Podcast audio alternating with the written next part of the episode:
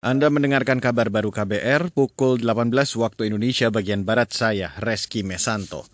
Saudara Kementerian Investasi sekaligus Badan Koordinasi Penanaman Modal atau BKPM mencatat jumlah investasi di Indonesia naik signifikan pada kuartal 2 tahun ini.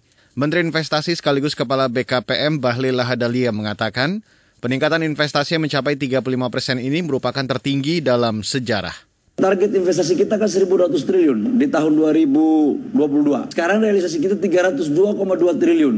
Di kuartal kedua ini tumbuh QNQ itu dibandingkan dengan kuartal pertama kemarin tumbuh itu sekitar 7, 7 persen. Kemudian kalau dibandingkan dengan tahun kemarin pada semester, pada kuartal yang sama itu tumbuh 35,5 persen. Ini mungkin dalam sejarah pertama kali tumbuh sebanyak ini. Kemudian uh, tenaga kerjanya itu 320.534 orang.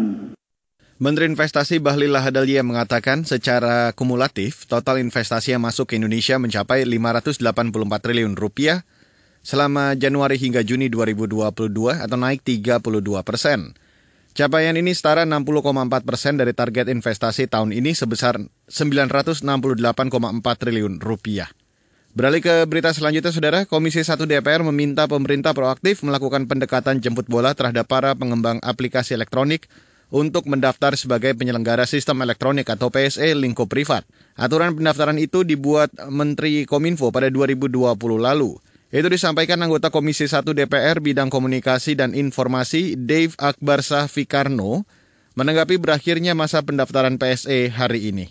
Karena ini kan hari terakhir penutupannya kan, itu juga harus bijak dalam melaksanakan aturannya nah, dan juga harus proaktif.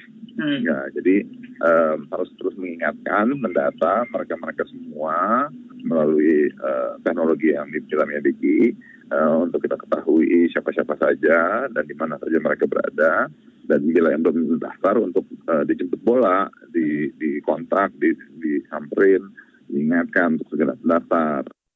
Anggota Komisi 1 DPR Bidang Informasi dan Komunikasi Dave Akbarsa mengatakan Kementerian Kominfo juga mesti melakukan pemeriksaan silang terhadap para pengembang aplikasi yang tidak mendaftar melewati batas waktu. Menurutnya harus dicari tahu alasan penyelenggara sistem elektronik yang tidak mendaftar ke Kominfo. Saudara kepolisian menduga pimpinan Tentara Nasional Pembebasan Papua Barat atau TPNPB Egyanus Kogeya memimpin langsung penyerangan terhadap warga sipil di kampung Nogolait, Kabupaten Duga, Papua pada 16 Juli lalu. Juru bicara Polda Papua Ahmad Mustafa Kamal mengatakan, dugaan itu berdasarkan hasil olah TKP di empat lokasi berbeda dan dari keterangan para saksi.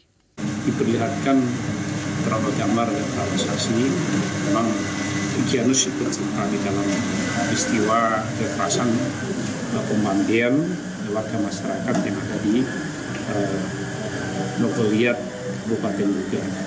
Di antara uh, 12 korban itu ada tokoh agama, Juru bicara Polda Papua Ahmad Mustafa Kamal mengatakan pelaku penyerangan diperkirakan berjumlah 20 orang. Menurutnya, para pelaku menggunakan senjata api dan senjata tajam.